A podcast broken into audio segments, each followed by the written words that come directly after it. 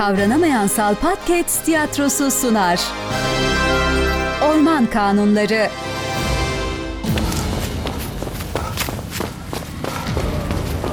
Arkasına bakmadan ciğeri yırtılırcasına koşmaktaydı. Onu kovalamaktan çok önce vazgeçmiş olmalılardı. Ama yine de riske girip arkasına dönüp bakmaktan imtina ediyordu. Sonunda dizlerinde derman kalmayınca durup ormanı dinledi bir süre.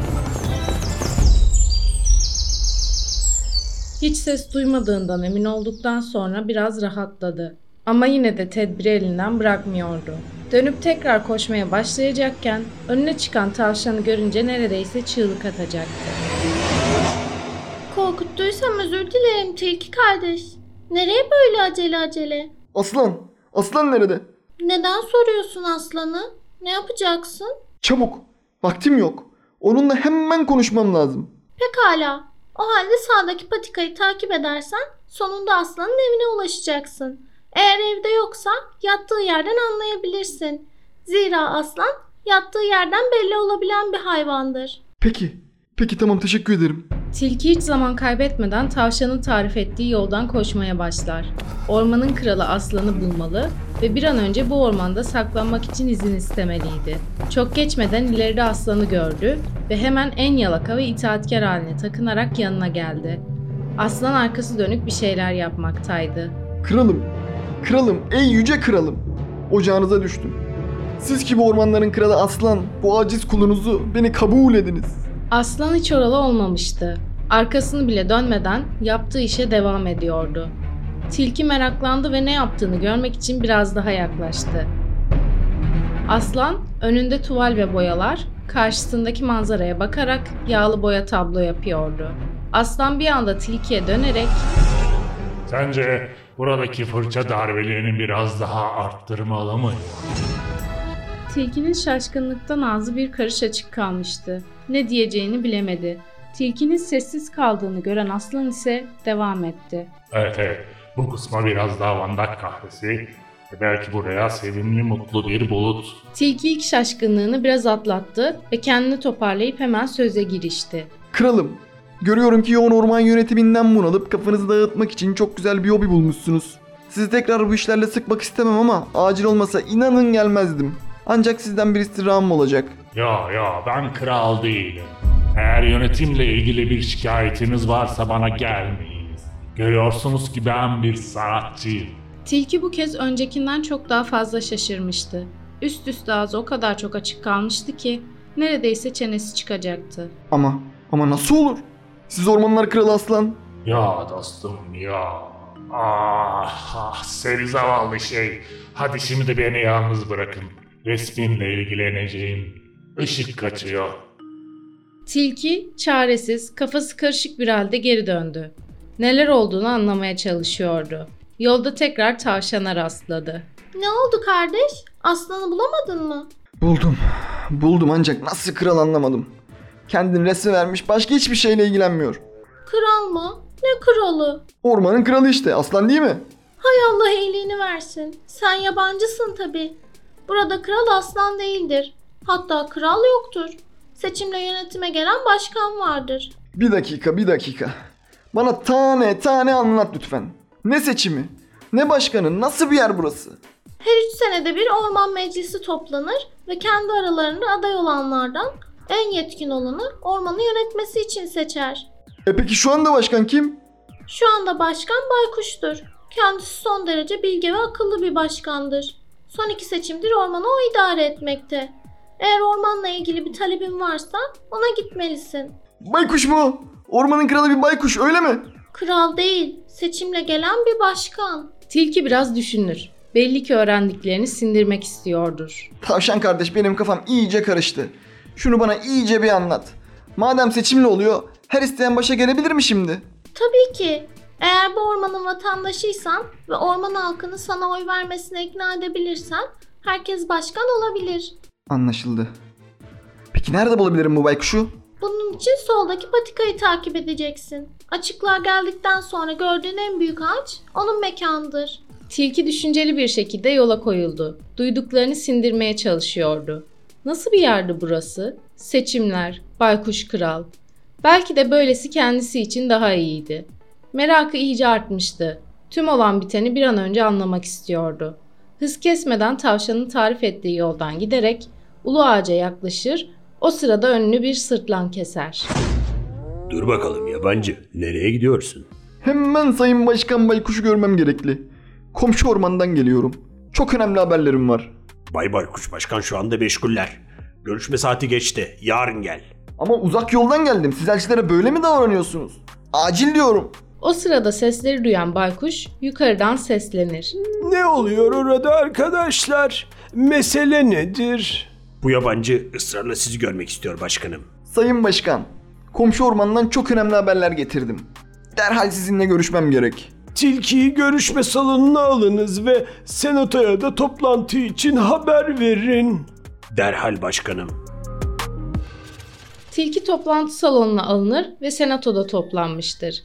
Tilki tek tek senato üyelerini süzüp tepkilerini önceden ölçmeye çalışır. Son derece ilgisiz ve burnu havada gözüken bir domuz, çekingen gözlerle etrafına bakan bir eşek, çatık kaşlarıyla oturan bir fil, hayvana hiç güven vermeyen bir yılan, keskin bakışlarıyla insanın yani hayvanın içini delen bir karga.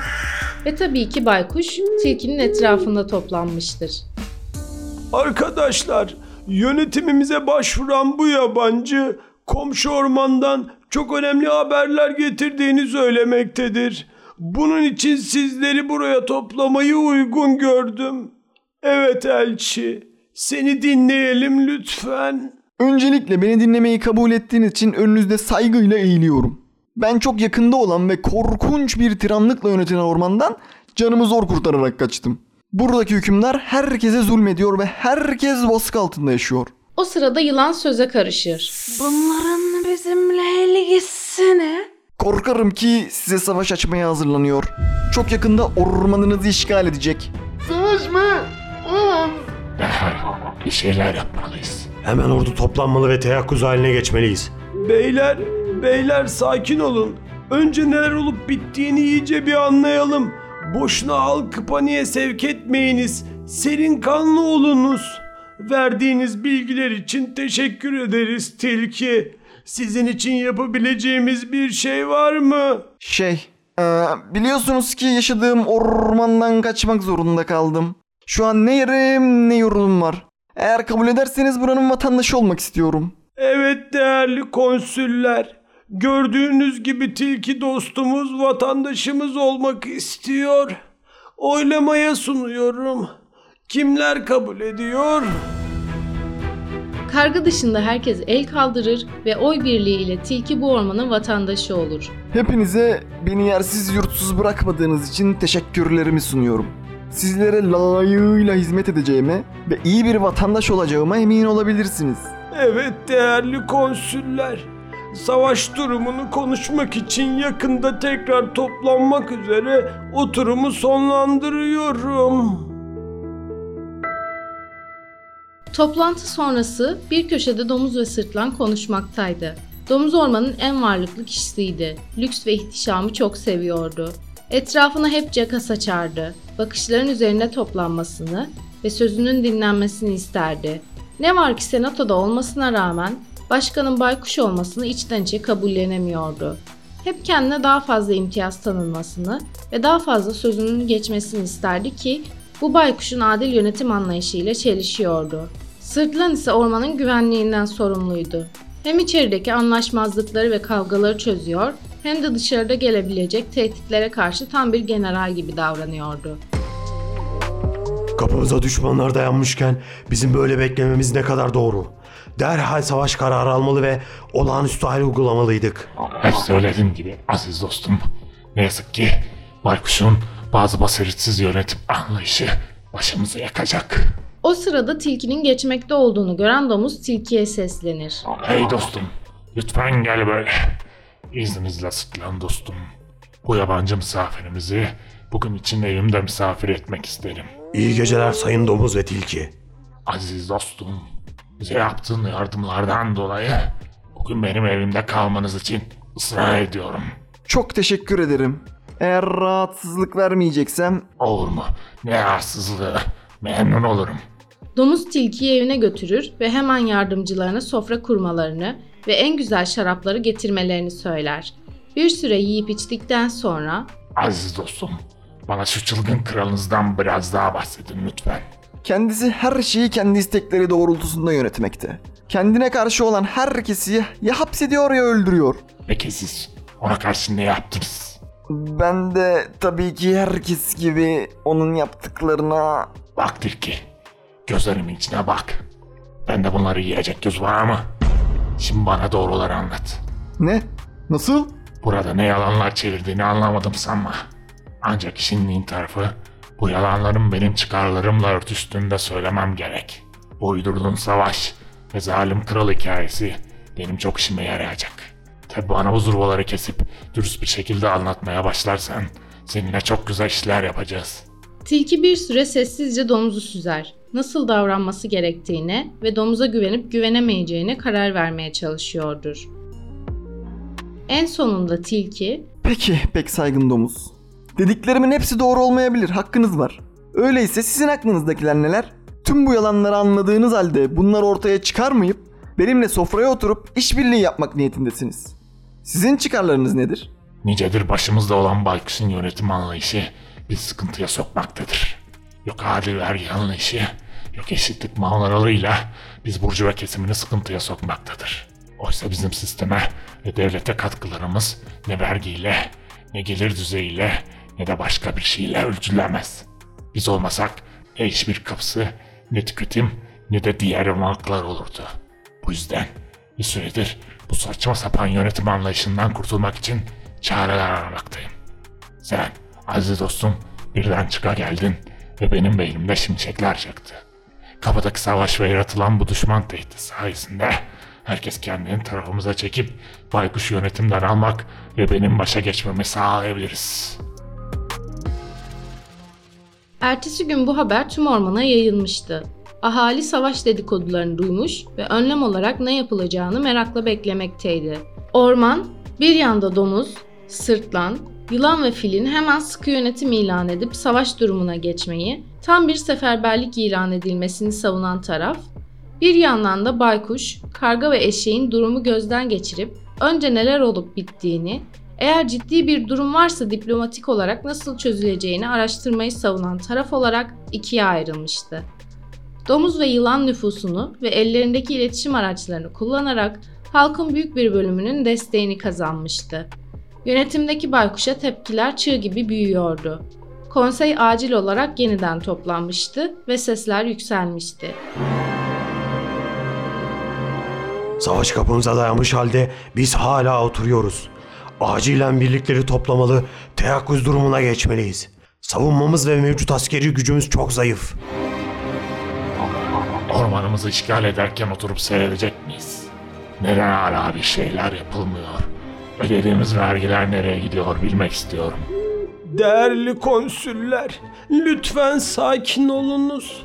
Bildiğiniz gibi birçok yere gözcüler yolladık ve istihbarat topladık.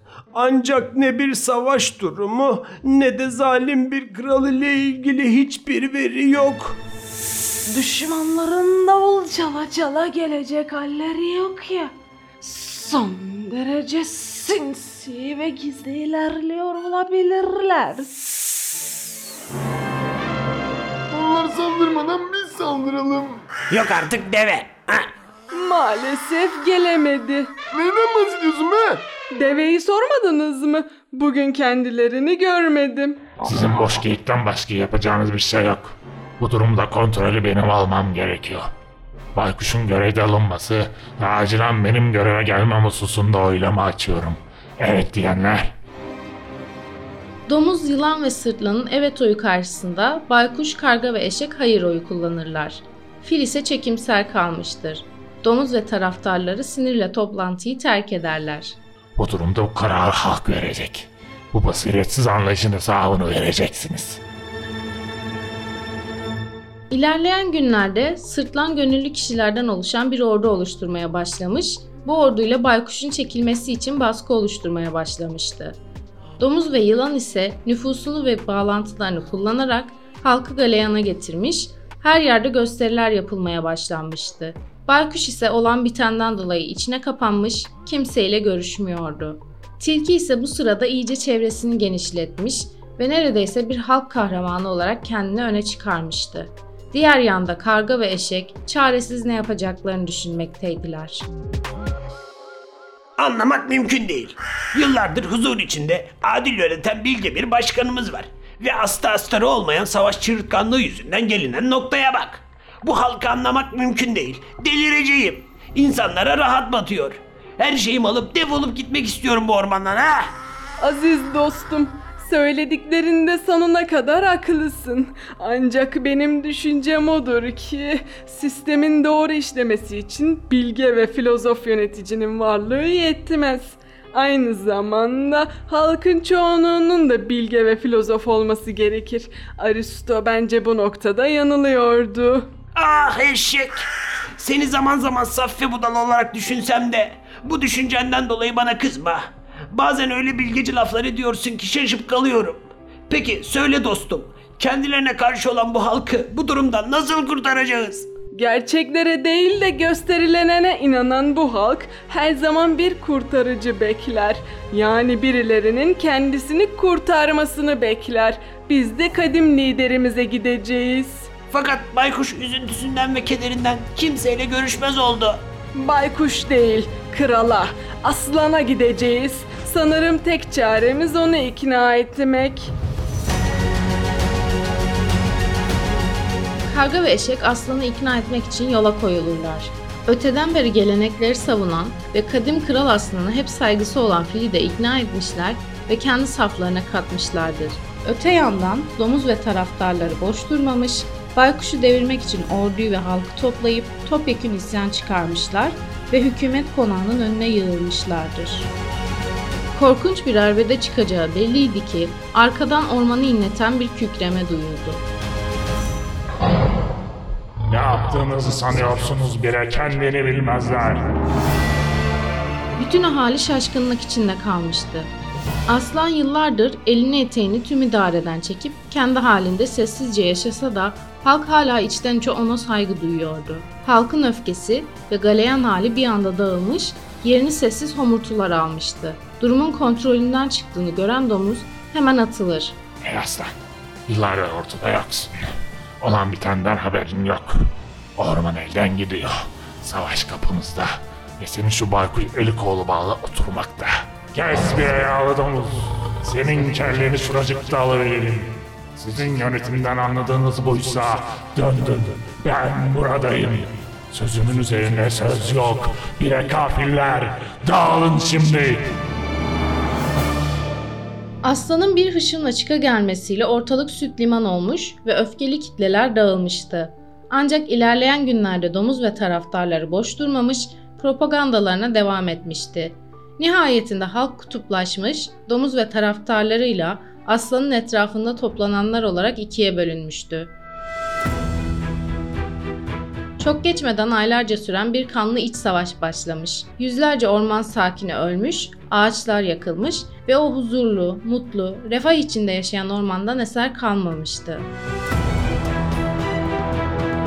Halkın savaşacak hali kalmayınca ve ormana gelen ne bir düşman ne bir tehdit olduğunu, bütün tehdidin kendi içinde kendileri olduğunu anlayıp bütün bunların nasıl başladığını düşündüklerinde gözler tilkiyi aramıştı. Tabi tilki ortada yoktu. Tilki olağanca hızıyla başka bir ormana doğru koşmaktaydı.